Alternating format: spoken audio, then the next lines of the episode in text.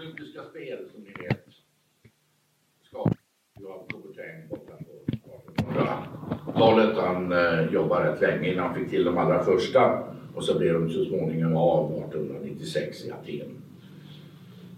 Boxning är en av de ursprungliga sporterna och eh, egentligen, ärligt talat, så borde boxning varit med redan 1896 men så blev ju inte fallet.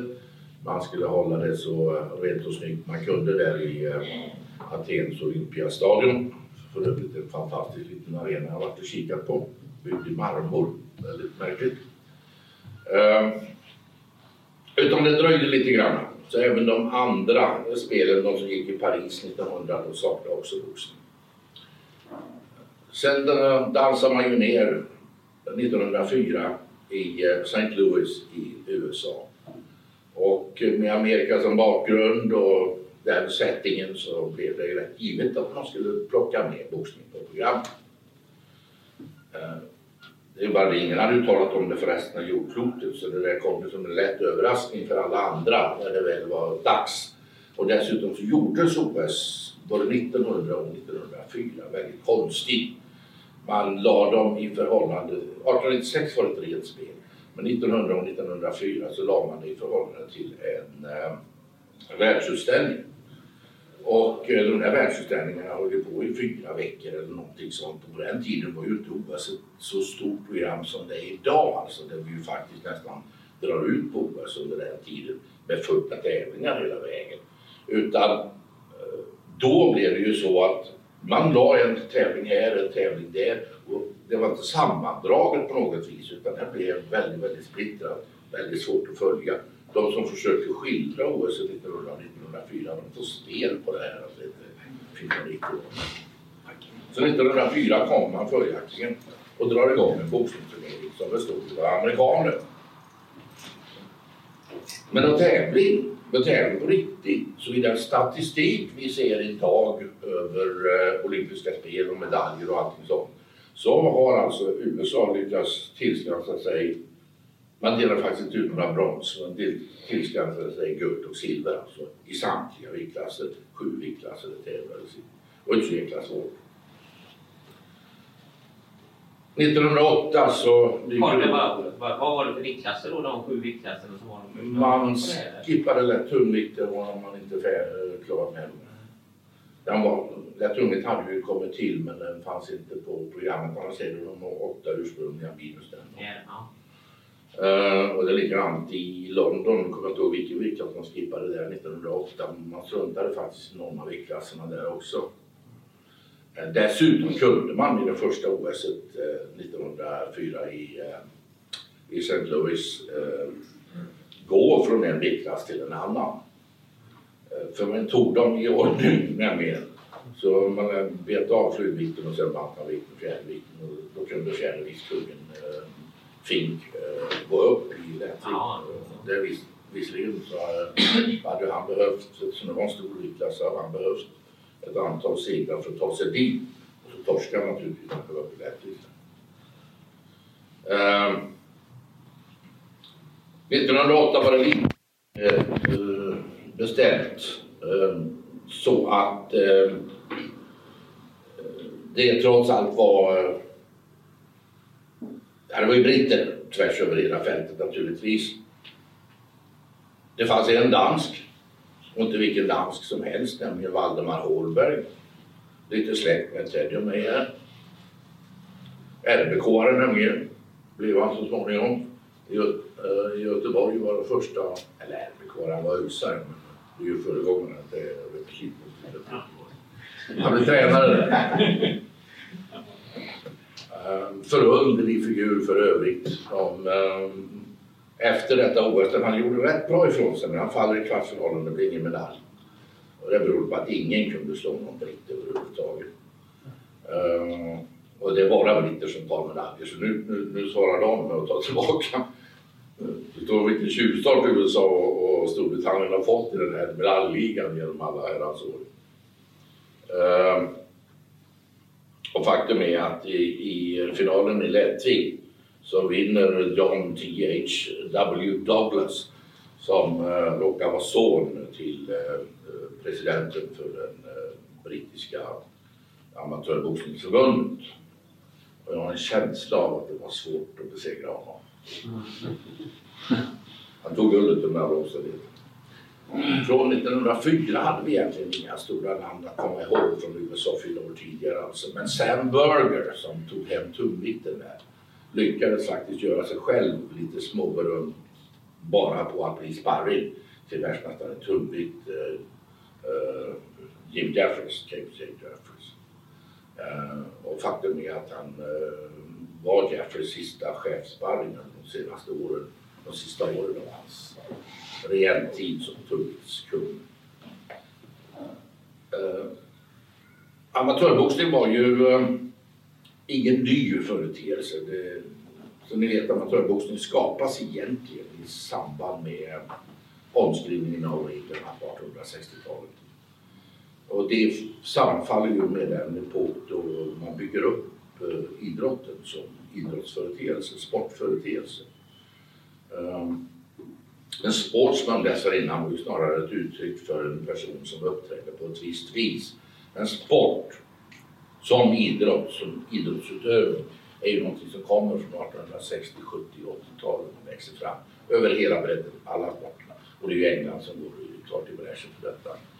Och eh, reglerna för boxning skrivs ju om 1866, är klara 1867, det som vi kallar för Queensbury-reglerna. Och de är då först skrivna för amatörboxning faktiskt. Det är det nästan ingen som idag har reda på, men så är det. De skrevs för amatörboxning och för att eh, ge amatörboxningen stöd. Där i såg sen då de befintliga proffsen.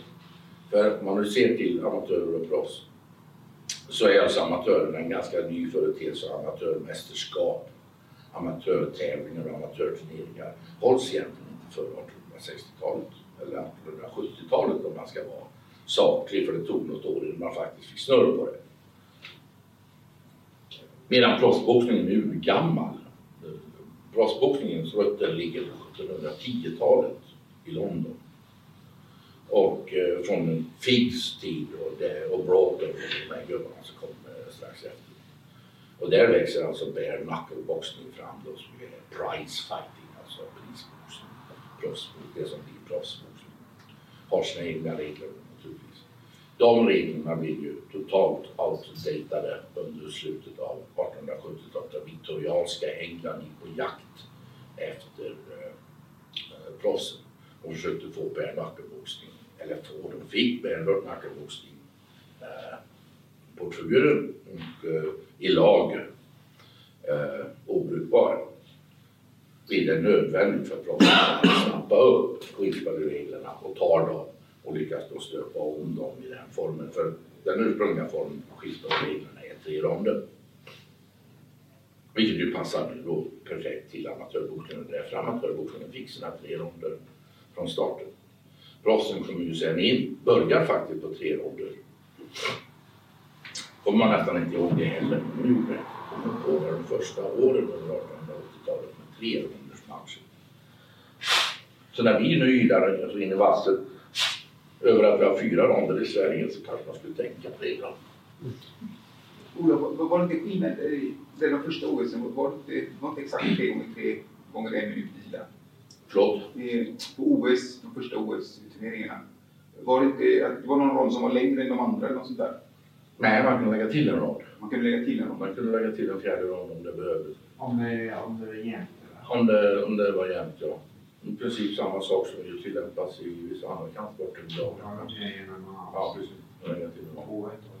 Det stämmer, stammar också därifrån. Um, vad som händer här nu då under tiden det är alltså att proffset dock eh, begriper att eh, ska vi behålla den professionella statusen så måste vi ta tillbaka det som var bare tjusning lite grann. Bare var ju to the bitter end. Det har ju aldrig funnits någon gräns. Man höll på tills den nere slutade. Gav upp eller låg där. Ehm, då började proffsen införa först eh, 10, sen 20, sen 40 ronder, 45 ronder. Och sen så småningom så gör man ju faktiskt också eh, to the limit, alltså ingen gräns alls. Eh, sen vände ju det mycket snabbt, för man insåg att det där var en dead end. Och sen går man tillbaka mer och så tar man alltså ner till 25 ronder som ju blir sekelskiftets, eh, alltså förra sekelskiftet givetvis, eh, standardnorm. Och sen för 25 ronder har man ju krympt ner till 20 och till 15 och då är vi framme på 30-tal faktiskt. Och båda ronderna tre minuter då eller? Ja, ja. Men ni vet när, nu är det fel ämne igen, men det brukar bli så när jag håller föredrag. Ni vet när de bestämmer sig för att de ska knäcka Jack Johnson 1915, som då är världsmästare i tungvikt har varit i många år. Första svarta mannen. Och man, ska, man vill åt honom.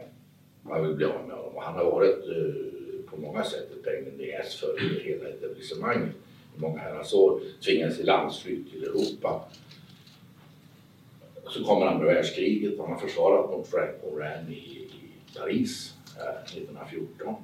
Och eh, eh första världskriget, för att första världskriget bryter ut. Och han måste lämna. Va? Då drar han till Argentina och blir sittandes i Argentina. Då dyker Jack Kirby som var den tidens eh, Don King eller Bob Baron upp och så konstaterar han att här har vi chansen att plocka honom.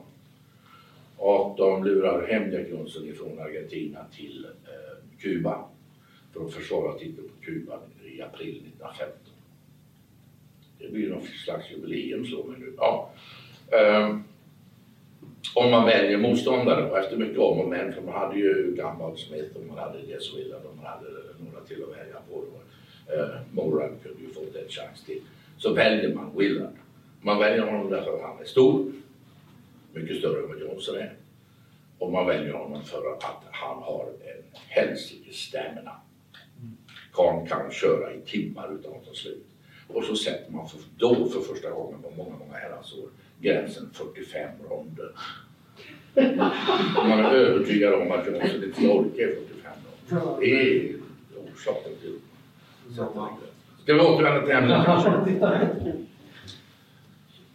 När det blev dags för eh, Stockholm 1912 så blev det ingen, ingen boxning på programmet. Det berodde på att vi var inte mogna. Jag hade helt enkelt ingenting att komma med i boxningsform. Vi hade ju haft eh, några proffs här, så, eller rätt några proffs, ja, några danskar och vi hade haft eh, den professionella tränaren och boxaren Allen här. Lärt upp ett gäng boxare. Det var Viktor Balk som försökte snabbt styra till en boxning för svensk del för att vi skulle komma igång. Och faktum är att det kom igång. Det är rötterna till alltihopa här. Så eh, heders till eh, både Balk och Allen för det jobb de gjorde. Men det blev inte moget för, eh, för att dra en OS-turnering på som man ströt den. Var det, inte olagligt här i Sverige också? Nej, Nej. nej. Amatörer var, var ju helt alright alltså. Okej. Det fanns ju ingen.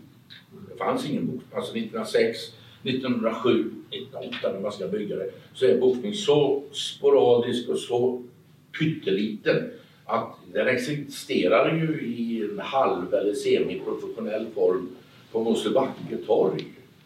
Jag menar, du vet, det, det var liksom ingen bredd, det fanns ingenting att gå på. Var det första klubben här uppe då? Eller när första klubben? Ja, de var ju då eh, semiprofessionella. Sen kom de första klubbarna att plocka upp detta ganska snabbt. Så uh, Djurgården exempelvis är ju en av de som plockar upp det. IF Linnea plockar upp boxning på programmet. Och de är tidiga som 17 med detta. Men det sker nu några år strax efter. 1913, 14. 1913 bildas det första svenska boxningsförbundet. Eh, och det fallerar redan 1914 när kriget har brutit ut och brakar ihop så det blev inte så långrandigt. Sen 1919 samlas man ju och så startar man det boxningsförbund vi har idag. Eh, och då har under den tiden ett antal klubbar vuxit upp. Det finns ett tiotal klubbar, 12 kanske, i Sverige 1917 som har boxning på programmet. Gais i Göteborg exempelvis. När såg vi någon boxning där sen sist? ÖIS plockar upp det strax efteråt och ÖIS blir ganska betydande. Ja. Vet man vad, vad var mekanismen till att boxningen började växa? Vad var dragningskraften då? Eh, det hade, ju, det hade sipprat in skulle jag vilja påstå. Det hade tagit en ganska lång tid. Men det där lilla gänget då med några eldsjälar i spetsen. Man ska inte frakta, vi skrattar åt Kalle Sven idag men man ska inte frakta. han var ju då styrkeatlet va? så han kom ju från eh, han kom ju egentligen från den andra sidan av eh, värvningspoolen för han ägnade sig mest åt att hiva vikter i luften men han boxades också, han kommit hem från USA. Och några andra som kom hem från USA som också tog med sig det här, Victor Leijon och några till. Och som nu börjar organisera sig och de skapar något som heter instituten. och de där instituten blev ganska fort en slags klubb alltså. Fast det var ju inte det egentligen med träningsdjup. Men eh, det får en ganska snabb spridning, framförallt i Stockholm. Och det drar till sig intresset och får igång intresset rätt fort. Så det börjar växa. Det, går, det går ju inte fort här de första åren. Och kriget dödade nästan 1914-15 men från 16, 17 framförallt började det ta fart. Och 17 är plötsligt boxning en populär grej. Och det har, tror jag också har en del att göra, om man nu ska leta efter socioförklaringar i bakgrunden, eh, sociologiska förklaringar till det hela, så är det och sannolikt att göra med det faktum att vi for rätt illa under eh, första världskriget. 17 ut svält ett. Vi vann får ju leta mat i det här landet för att överhuvudtaget klara oss. Det är ju mycket nära en, eh, en socialistisk revolution faktiskt i, i huvudstaden. Branting räddade ju till viss del eh, hela situationen genom att socialdemokratin ställde sig på rätt sida och så att säga höll saker och ting i alla fall under normala normer. Där får boxningen fart. Det har att göra naturligtvis med den världssituation vi befann oss i. Det har att göra med ett ny, nyfikenhetsintresse, ingen tvekan om det. Och efter eh, kriget är över så är det plötsligt bara boom! Så 20-talet så är boxningen en av de tre största sporterna. Och det går på 4-5 år så är det hur stort som helst. Och då har det naturligtvis att göra med samma fenomen som vi alltid har jagat. Och jag brukar ju alltid sitta här och predika om hitta tungviktskungen så händer saker och ting. Harry Persson dyker upp. Och rätt vad det är så är det bara det är bara Björn Borg-effekt eller vad ni vill kalla det för. Ingemar Johansson-effekt. Vad som helst. Harry Persson går ifrån sina 10-12 amatörmatcher som inte är märkvärdiga. Eh, som statistik betraktat. Men som innehåll betraktat så är de det. Han kommer från stensättarlärling i Stockholm. Egentligen ingen gedigen boxningsutbildning alls. Och plötsligt så började han plocka vad vi hade i Norden. Och då har ju det hänt under tiden här att eh, Danmark och Norge har hunnit slå igenom och kommer med stjärnor ifrån det från 1920. Eh, danskarna hade ju fått fram Sören Petersen som ju tar medalj både 20 och 24 eh, och som sen eh, eh Harry möter eh, 25. Och då är det alltså en dubbel silvermedaljör på OS som han som nybakad proffs möter. Bonk, han slog ut honom. Han tog eh, hela rubbet av de bästa norrmännen och eh, danskarna. Han slog ut dem. Så på tio amatörmatcher så var han Europa, topp, Europaklass. Och alla hoppas ju att han naturligtvis ska eh, hålla sig kvar och att han skulle kunna bli en faktor i ett eh, kommande olympiskt spel. Men eh, Harry hade ju bråttom att tjäna några kronor så han ställde upp på en betald uppvisning och blev diskvalificerad av Svenska Boxningsförbundet, Proffsklara. Och så började karriären 23. Så det blir inget OS för honom 24 som tänkbart var. Och resultatet av detta blir ju då den första jättelika svenska eh, boxningskarriären. Eh, och han blir ju så småningom, visserligen då ett slags inofficiell brukar vi säga, men han är ju Europamästare 1926 efter att ha slagit ut dödfelsskott.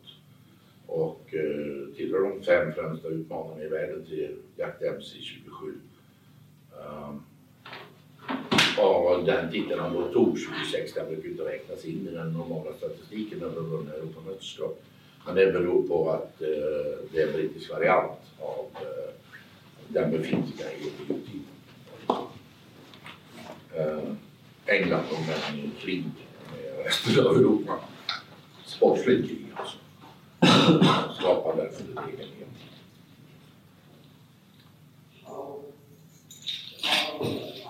Det blev alltså inget olympiskt spel 12 i Stockholm.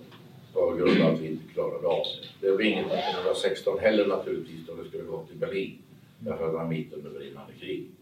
Utan det är tillbaka, det är tillbaka i Antwerpen 1920. Och bara nu för att leka med lite siffror, jag ska göra det en liten stund här. Så ser vi att 1920 så är det 98 boxare från 11 länder. Det är lite dimensioner till Alltså komma skall. Uh, om vi tittar på 24 så är det plötsligt 173 boxare från 29 länder. Det går fort här nu. Mm. Men den är lite missvisande den här siffran eftersom man fick starta två per boxare per land i varje viktklass. Och då, då, då blir ju antalet boxare blir ju därmed liksom lite för många i förhållande till vad man skulle tänka sig det skulle vara. Eh, det var då givetvis nytt rekord.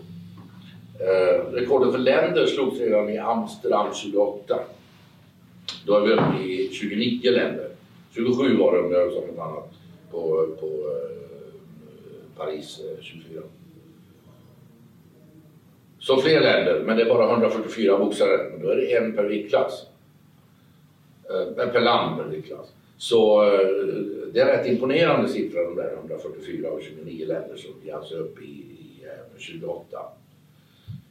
32 så åker eh, olympiska spelen tillbaka till eh, USA och hamnar i Los Angeles och det gör automatiskt att det ganska fort faller i siffror därför att det är för krångligt fortfarande under eh, eh 20-30-talet att resa över längre distanser. Vi är uppe i 85 boxare från 18 länder och det är relativt bra ändå för att vara 32. 36 är det tillbaka i Berlin. Jag vet Adolf Hitlers stora propagandaspel. Men det var en himla bra idrottsturnering. Det till trots att han gjorde politisk propaganda av eländet. Så eh, som, eh, som boxningsturnering är det ju en maffig turnering den i Berlin 36. Det kommer 183 boxare från 32 länder och det är alltså nytt rekord. Sen du brakar ju världskriget, andra världskriget ut 1939 och det gör ju att eh, de spel som skulle ha hållits 1940 i Helsingfors, de blir ju inställda. De som skulle ha hållits 1944 borta i Japan blir inställda mitt under kriget. Eh, så när OS återvänder så hamnar det i London 1948. Och eh, då har ju under den här tiden det hänt att boxning som ju från början är en anglosaxisk sport med lite förgreningar in i Frankrike. eh, ute Dominions då, Australien, Sydafrika, Kanada givetvis och framförallt är ju USA, för att inte det för en Dominion till, till, till eh, Storbritannien kanske. Men uh, det är de anglosaxiska länderna som har varit grundstommen. Från and, första världskrigets slut så sprider det sig ut över Europa. Tyskland plockar upp boxning. Men det är inte mellan andra världskriget, eh, första världskriget är slut som det händer.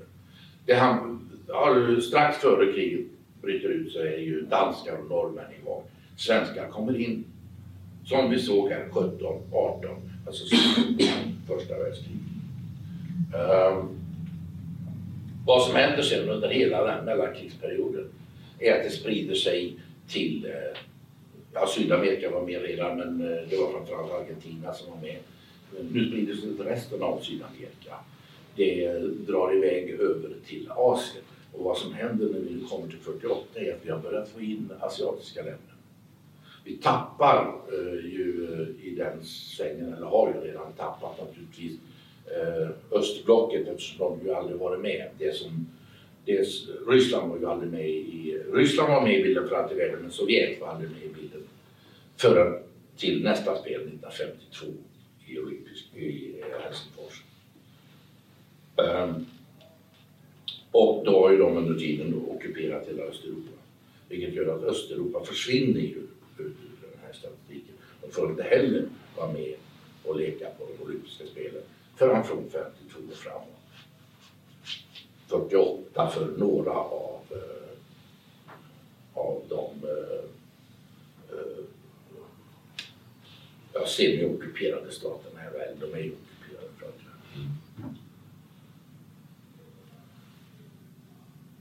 så stora delar av världen tillkommer ju allt eftersom. Och den tendensen håller ju i sig sen. Under hela 50-60-talet så blir det här ju en av världens mest spridda sporter Det är praktiskt taget i slut varenda land. Det är också en förklaring till varför det här tar av som det gör.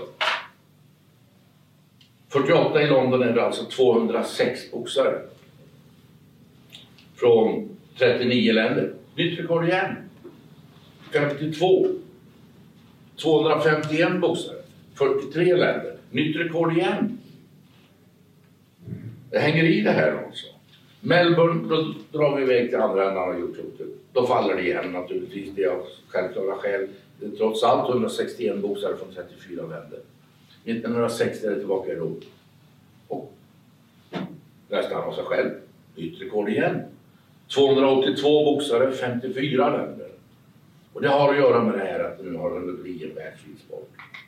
Tokyo 1964 så är det visserligen mindre antal boxare, 269. Det är fler länder. 56 länder som är med här. Mexiko 1968. 309 boxare, 65 länder. Uh, München 1972. 356 boxare, 80 länder. Redan här börjar de få lite spel, de olympiska potentaterna. För vad fan ska de göra med den här sporten? Alltså, de vill ju, ni vet, ni vet hur deras hjärnor har fungerat. De har alltid fungerat så. Det ska vara ett lagom hanterbart paketerat format och nu börjar boxning se ut som de hoppar på och sväller över bräddarna. 76 så droppar siffrorna. 348 boxare, 69 länder och det beror på att det är en afrikansk bojkott. Eh, visserligen kommer de flesta i, dels beror det på att det är i den andra världsdelen på naturen. Men eh, det beror också till viss del på att en del afrikanska länder inte kom och en hel drös afrikanska länder åkte hem ifrån Montreal. De som åkte hem, de ingår dock i de där siffrorna. Och ni vet eh, Ove-jätten Lundby, eh, det brukar eh, sägas att vi vann ingenting i, i Montreal, men det är fel som fan.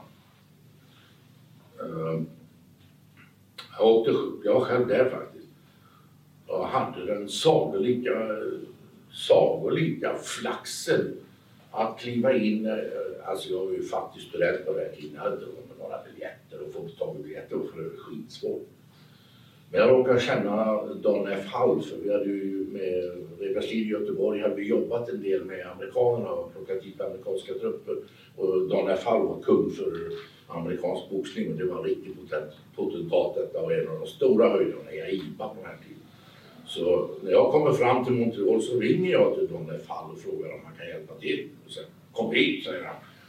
Fixar han in både Pia och mig där på olympiska spelen. Och det tog, det var lite bök att komma in då va. Så det tog en stund. Och detta var första dagen på boxningsturneringen. Jag kommer in, kliver upp på läktaren, sätter mig ner. Och Pia säger medan vi letar upp våra platser, vi fick ju rätt bra platser på den avdelningen då som är avsatt för eh, aktiva då. va.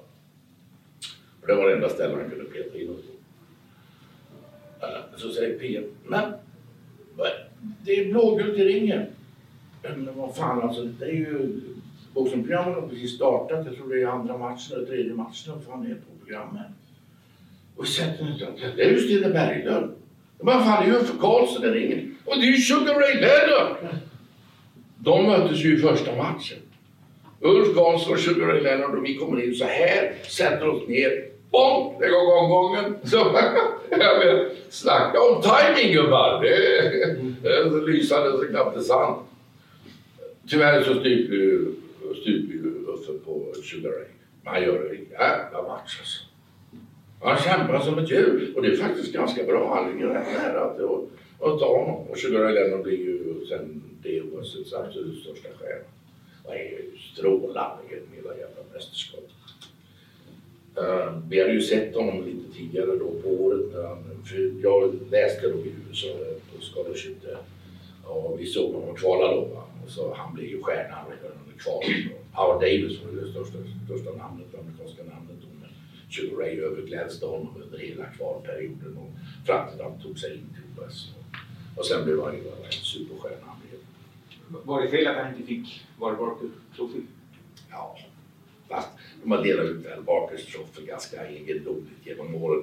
Eh, tittar man på det där så, så får man eh, ibland undra man. Yes. Jag måste fråga vad det är för någonting. Vad är det för pris? Det sattes upp 32 tror jag. Det, Val Barker var en av de stora pamparna i förbundet och det är det pris som går till, det ska heta, det ska vara till den bästa stilisten. Ja. Så det är inte nödvändigtvis den som är den största stjärnan eller största boxaren. Alltså 1952 eh, Helsingfors 52, så finns det ju ingen som slår Floyd Patterson i dans. Han är, han är det spelets, han är för övrigt en av OS stora stjärnor. 17-årig grabb kommer och sopar hem OS emellan och han gör det så jävla bra alltså. Han är så överlägsen så det bara dånar om det. Eh, jag tror han slog ut eh, Peta i finalen på 40 sekunder eller vad det var. Alltså. Riktig knockout-pärla dessutom. Men och jag menar, ska man då se till det, vem är det som var stjärnan så ska ju givetvis Sugar Ray Leonard ha det. Eh, väl Barkers Trophy då var eh, 76. Floyd skulle ju ha det 52 naturligtvis. Den enda riktiga konkurrensen var ju den här stenhårda urbesten Ed Sanders i Tullvik som ju spöade Ingmar där. Men eh, det å andra sidan var ju en floppfinal så att eh, det kanske inte är så lätt att man hade gett det till, i det läget till honom. Men Floyd fanns ju ingen anledning att inte ge det till. Men det går till Norval Lee. Jag tror Norval Lee var ju en mycket större eh, stilist än vad någonsin eh, Floyd var. Floyd var ju röd utan guldet. Eh, 92 i Barcelona, vem fan är det som får det då? Jag menar Oscar, Oscar de la Hoya är stjärnan i hela spelen men det är inte han som får det utan det är... Mellan... Det var väl han som fick det, just det. Ja, det, det, det, det är sådär lite grann hela tiden. Det har varit eh, många krux omkring eh, Val Barker Trophy. Så kan gå tillbaka lite grann till siffrorna och det här ni såg eh, sporten växa. Eh, I och med att man var i, eh, i eh, Montreal så som sagt så följde ju lite grann. Det följde 348 boxare, 69 länder. Mycket imponerande siffror ändå. I Moskva så går det inte heller att jämföra. Då är det eh, 274 boxare, 51 länder. Men där är det bojkott som mest. Där är ju en stor del av västvärlden inte med. 1984 i Los Angeles kom man upp i 349 boxare, 60 länder. Men där är det bojkott åt andra hållet. Så att det är inte alla som heller är med. Va? Hur stor är bo- boxning jämfört mot brottning och judo till exempel? Och de Ja, antalmässigt mycket, mycket, mycket större. Och det är det som är vårt problem, ett av våra problem med, med AIBA alltså. Och ni förstår strax vad det är som händer. 88, Seoul. Och så öppna öronen gubbar. 441 boxare från 98 länder. Och det är klart som fan att de måste sätta sig ner efteråt och så säga, "Hur- vad gör vi? Det går inte. Det har blivit för stort helt enkelt. Det växte över sina breddar. Det är ju det rekord som står. Det kommer stå sig alla tider eftersom ju efter detta så införs eh, kval. Och visserligen inte kval så hårda som nu men de närmaste följande kvalen dämpade ju utvecklingen men inte så där himla mycket. Barcelona är 339 boxare från 81 länder. Fortfarande alldeles för stort för dem. Eh, Atlanta är 364 boxare från 92 länder. Och sen, vad är det vi börjar med nuvarande kvalsystem? Är det här någonstans? 2000? Eh, alltså det, det, det krympte ju från 364 till typ 320 till, 200, till 300. Ja, nu ska det ju vara 286. 286 är väl mallen som är satt. Och nu är det ju 250 herrar och 36 damer. Ja. Och jag menar, du vet, så de här siffrorna vi har lekt med nu, vi kommer ju aldrig uppleva någonting liknande. 411 boxare alltså. Det är Ganska ruskigt egentligen. Fördelarna dock med det här jättemästerskapet är ju att man kan ha lite, lite flax i, eh, i eh, tilldelningen. Därför att du får ju en sån bredd så du kan ju med lite flax plockar vi fram. Eh, inte för att mena någonting om, om eh, Georges sätt att ta sig fram, men han får ju alltså eh, han får en Malawi-gubbe i första matchen. Sen för allt i världen så kommer man knappt ihåg idag. Men han får alltså Carroth från Irland i andra matchen. Och det betraktar vi då som en enkel match. Carroth har ju guld sen nästa år. Han vann på knock där. Det är ganska, nu när man tänker efter bara, så är det ganska imponerande. Sen får han, eh, vad sa han därefter? Jo, han får Kane från Storbritannien. Också det betraktar vi då det OS som en enkel match. Det är ju inte så jäkla enkelt. Nu är de väl enkelt kanske topp tre i världen, de engelsmannen. Mm, exakt. Så får han då mongolen Bengtbat och det är ju Engbat och det är ju inte så himla enkelt det heller faktiskt. Alltså, han hade ju ganska tuff väg fram till Sydafrikafinalen.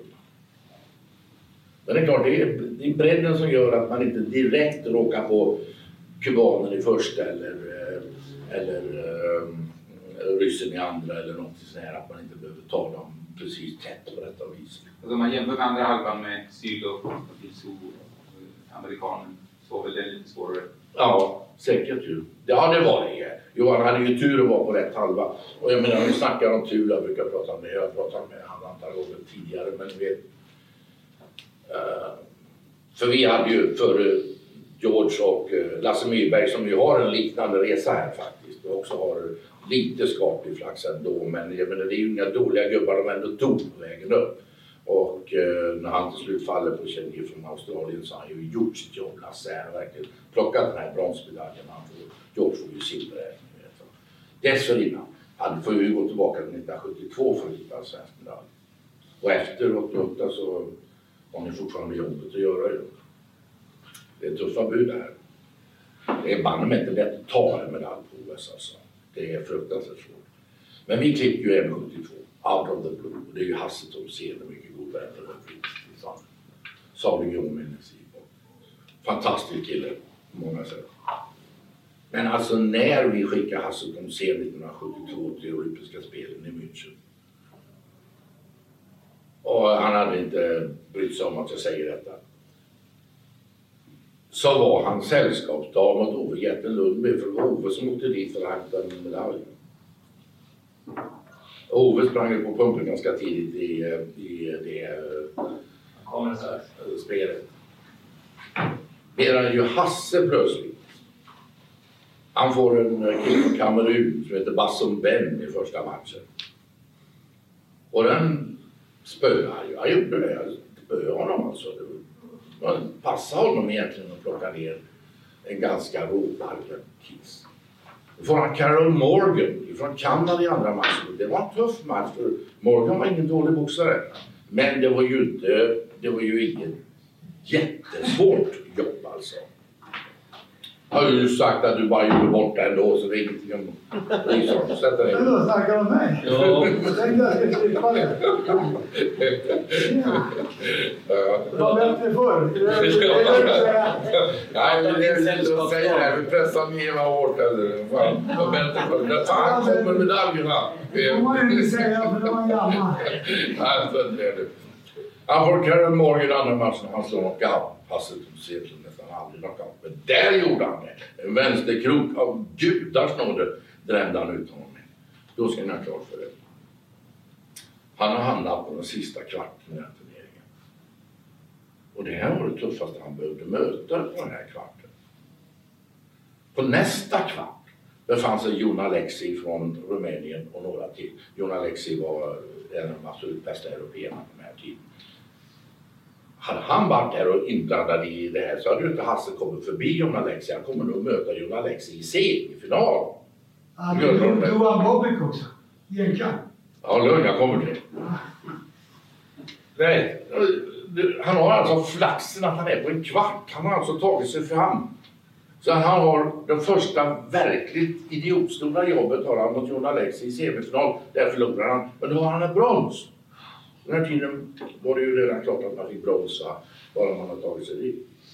På den tredje kvarten finns hela kopplet av eh, tysken och vad det nu var för någonting. Allt är ganska tufft. Va? På den fjärde kvarten så kommer huvudfavoriten att ta hem det här, Dwayne Bobbick från USA. Som har vunnit Panamerikanska spelen åren innan. Den enda som nog gett Stevenson en förlust. Och så kommer den 19-årige Theo Stevenson. Och så möts de två i första match. Eller var det andra, men skitsamma. De möts skittidigt i denna kvarten alltså. Det är nästan den moraliska finalen i OS. Och det handlar om åttondelar om det var kvartsfinal. Det var kvartsfinal. var det. I en av de bästa tungviktsmatcher som har gått i ett olympiskt spel. Och Stevenson slår ut Bob så det dånar om det. Jag menar, hur, hur, ärligt talat, hur mycket tur får man ha? Men alltså, man ska ha tur i är, ibland hör det hemma. Hasse Tomsén tog en bronsfinal. Punkt slut. Så enkelt var det. Bara ha lite, dra rätt långt. Han slog väl rumänen på någon gala i... Ja, sen tog vi ner honom. Redbergslid tog ner honom till Göteborg. Och då vann han 2-1. ja, jag gjorde det. Den Jag kan säga att Alex, jag kan säga att Alex inte var glad. ja, skitsamma. Det var för övrigt- i Sverige. Nej, han skulle inte ha vunnit den i Göteborg heller, men skitsamma. Han skulle bli proffs där så han behövde den segern. Han var en jävla sköning i alla fall. Alltså, sen han var stengod. Och han gjorde som PR för vår boxningssport så det knappt är sant. Hans dotter hade skickat med honom sin lilla nallebjörn och den tog han med upp i ringen. Och så gick han. Fungerar som image något alldeles fantastiskt bra. Um, om vi tittar tillbaka på eh, framgångar uh, vi har haft lite grann innan vi rundar av det här.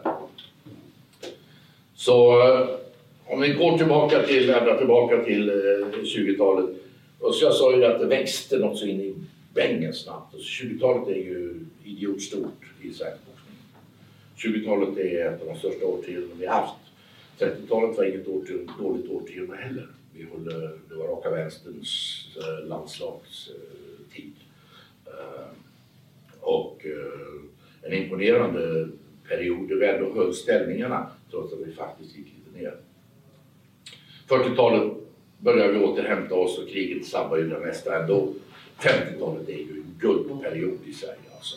Sen har vi ett tufft 60-tal. Vi har ett jäkla svårt första halvan på 70-talet.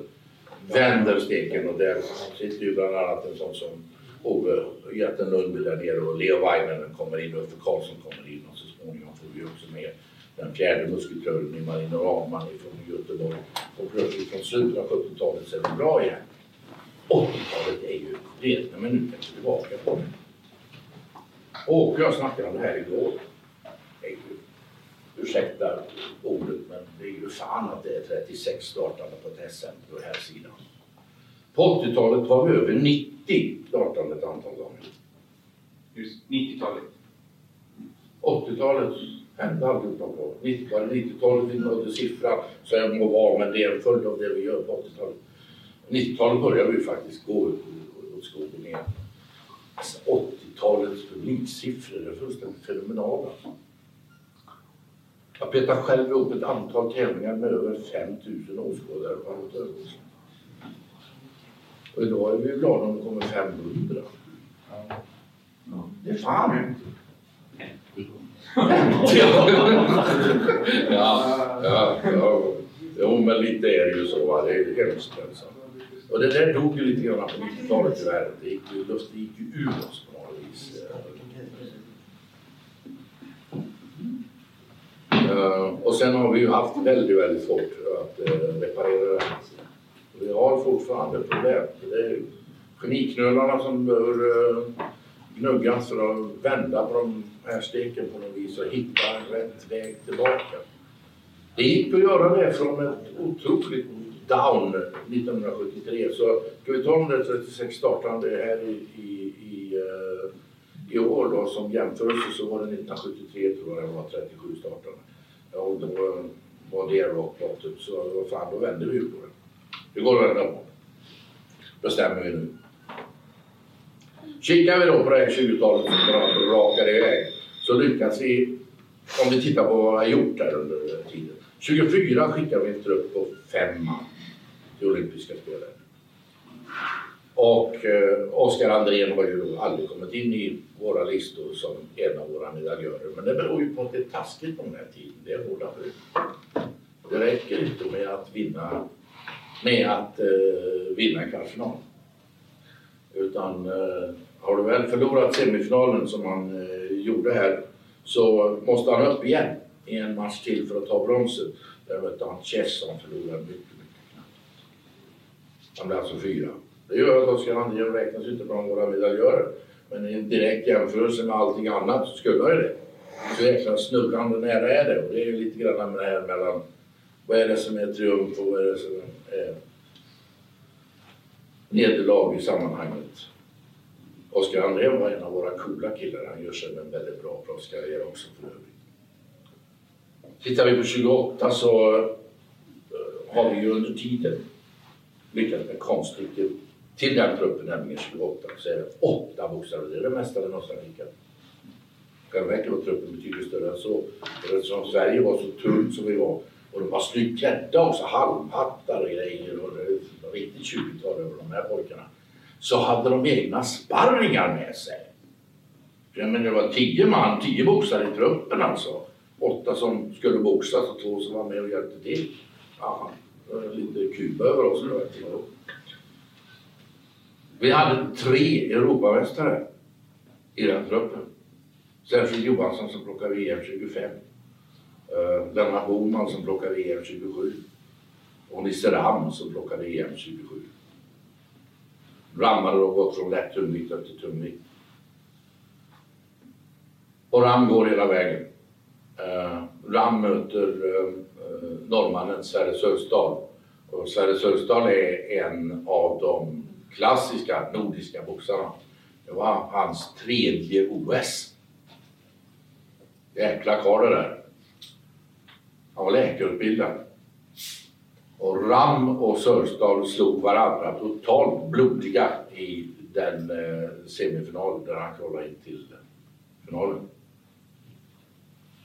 Så blodig så att Ram får komma ifrån omklädningsrummet. De var polare nämligen de här killarna. Men det hindrar de ju inte från att banka varandra sönder och samman. Han går in till Sörstad och frågar om han kan hjälpa oss att ihop honom. Men han blödde från båda ögonbrynen. Och jag vet inte hur de lappade ihop det där. Jag kunde inte syn på den tiden heller. Men de lappade ihop Ram så mycket det gick. Och sen kommer han upp mot Jurado från Argentina i finalen. Och han gör en mycket bra final. Och det är den svensk som har varit allra närmast att plocka ett guld. Men det går ju givetvis åt helvete för ögonbrynen spricker ju och så får han bryta. Va? Men då var han på G. För det var Hugosson stucket som hade matchen när, när, han, när han väl eh, ögonbrynen sprack. Närmare ett OS-guld vi ju aldrig. Vi eh, plockar, eh, vi skickar ju två man till OS 32. Eh, Allan Karlsson i fjärdevikt och eh, Ture Ahlqvist i lättvikt. Och sen när vi väl kommer dit, och det är Klockan väl som är truppledare, när vi väl kommer dit så plockar vi upp eh, Alin på vägen eh, som råkar befinna sig i USA. Han hade inte i svenska landslaget att göra. Han åkte ut i första omgången men på den här tiden kunde man alltså Lattjo lite så han åkte med in i truppen eftersom han ändå var boxare i alla fall. Med tanke på hur lätt det är att kvalificera in dem nu för tiden. Men de andra två, de andra två, de tar sig alltså fram till medaljerna. Allan Karlsson klipper ett brons, Ture Ahlqvist klipper ett silver. Det är nog fan den bästa boxartrupp vi har haft. Totalt sett. Jag menar, det är massivt vad de lyckades åstadkomma. Uh, och naturligtvis lite signifikativt för det landslag som sen växte fram. De var ju de var raka vänstern specialister. och Det var en grej vi körde med på 30-talet. Erik Ågren som ju också tillhörde raka landslaget men han tog aldrig ett rakt slag i hela sitt liv. Han eh, plockade brons på 36 på, eh, på eh, olympiska spelen. Där vi också har Olle Tandberg med. Och Tandberg faller ju på amerikanen eh, Oliver där. Där lyckas eh, norrmannen Elling Nielsen, plocka ett brons tror jag. Men ljuger för det. Eh, uh, ja, det gör han. Och eh, där vinner ju, vinns ju tungvikten av Herbert Runge. Olle Tandberg är 17 år och precis klar för att bli något.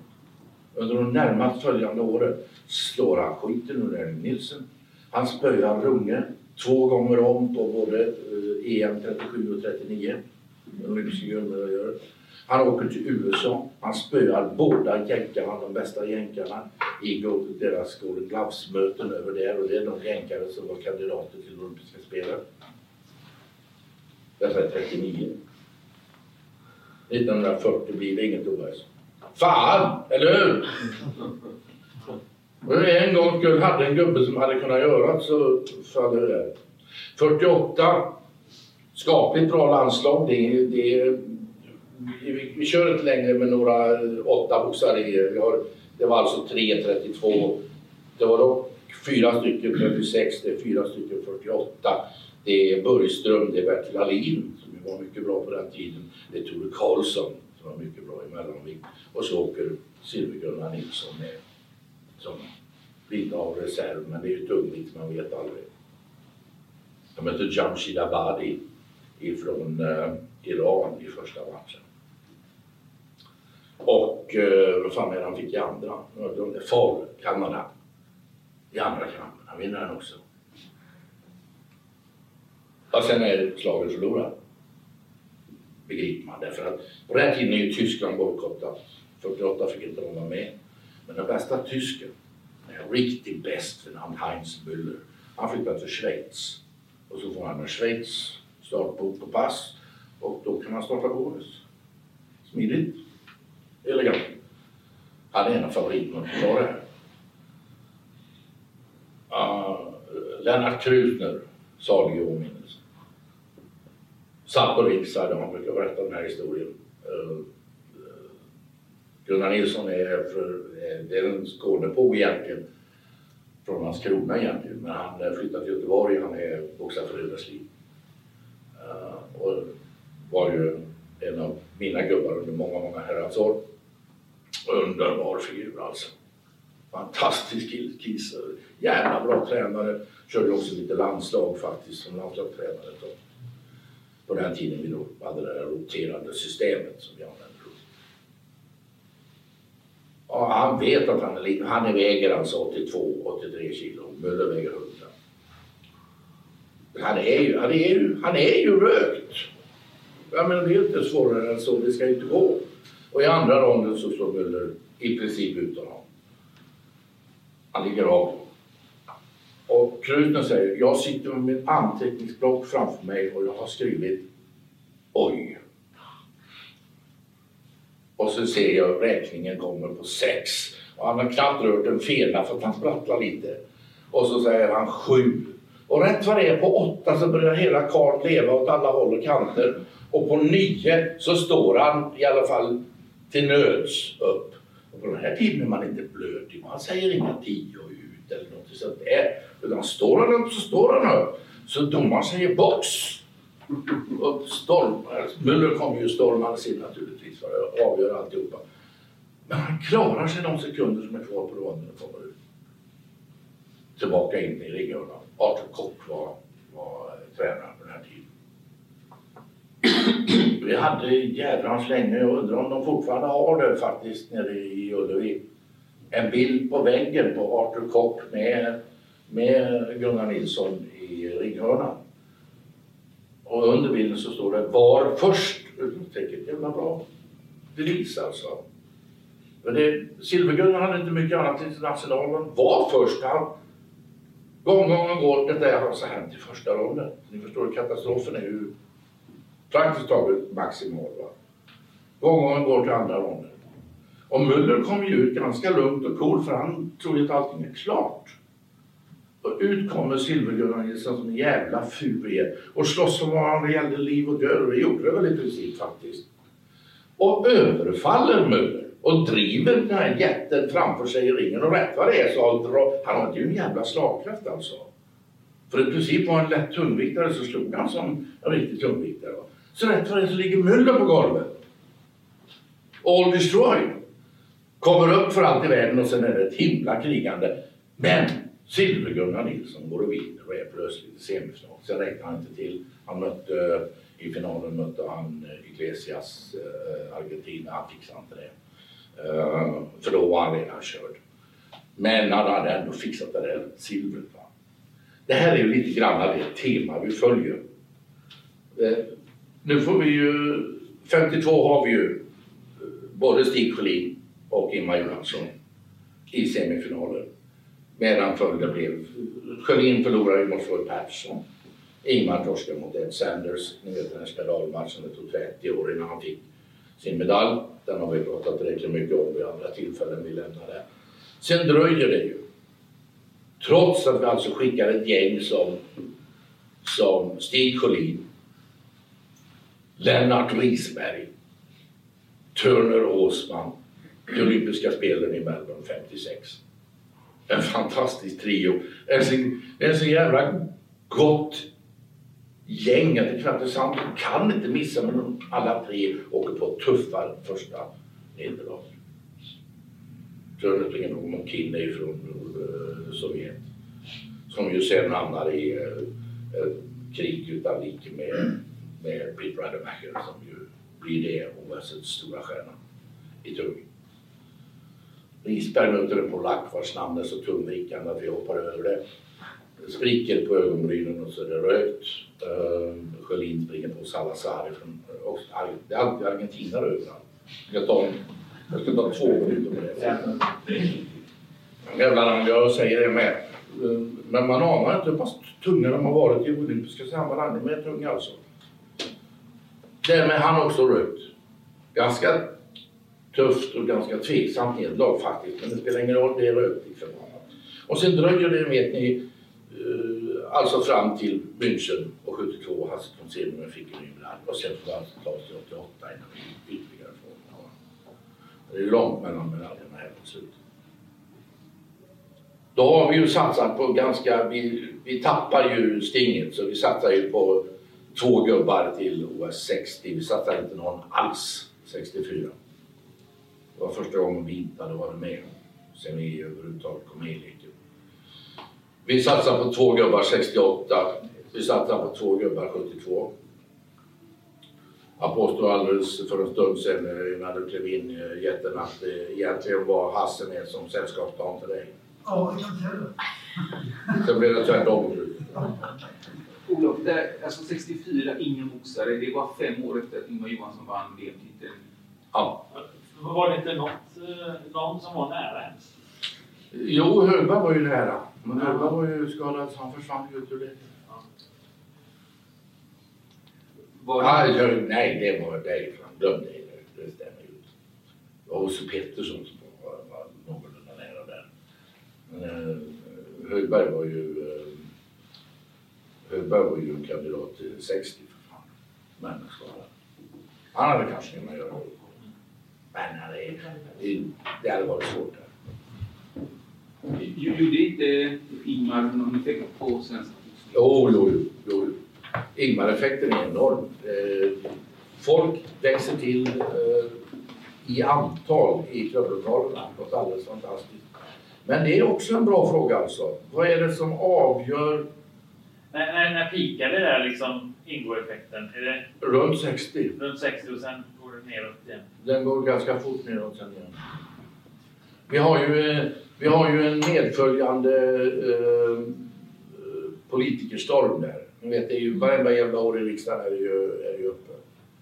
Eh, Felix Hamrin ifrån eh, Jönköping. Ibland skapar det ju figurer där. Nu jagar livet ur boxningen och sen kom ju Sten Sjöholm in i precis hans kölvatten och sen, de följer ju en kampanj årligen om förbud. Bosse Ringholm. Ja, han kom ju senare fram till det med samma slut. Ja. Han kanske inte kampanjar mot boxning men han släppte inte fram dem. Men de här gubbarna jobbar ju som fan på att bli av med dem. Vem blir av med boxning? Uh, Vi måste dra på backen. Bra. Jag ska bara ta mycket kort vilka det var som har plockat det här. Det kanske du vill höra förresten Eva? Ja. Det är det sista jag ska säga faktiskt. Jag är, är precis klar. 20 vinns medalj och poängligan av USA. 24 vinsten av USA. 28 vinsten av Argentina. Ja. 32 vinster av Argentina.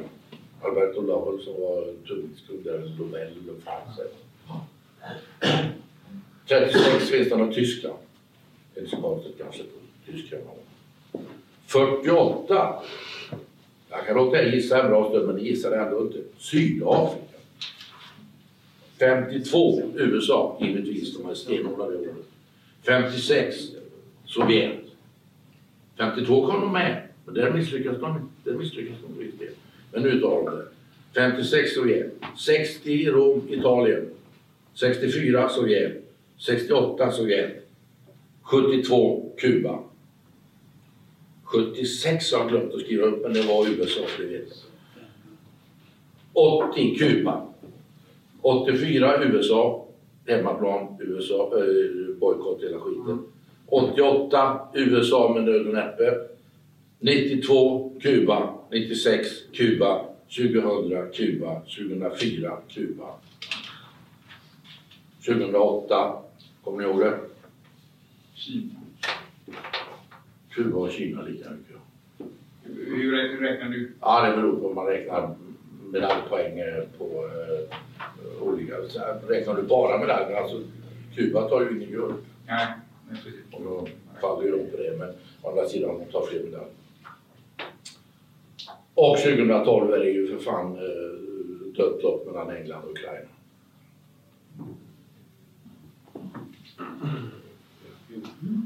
Ja, det är en sluskig historia. Men det är rätt cool om vi någon gång tar oss tillbaka till att vara med i den här leken och kriga om medaljerna igen.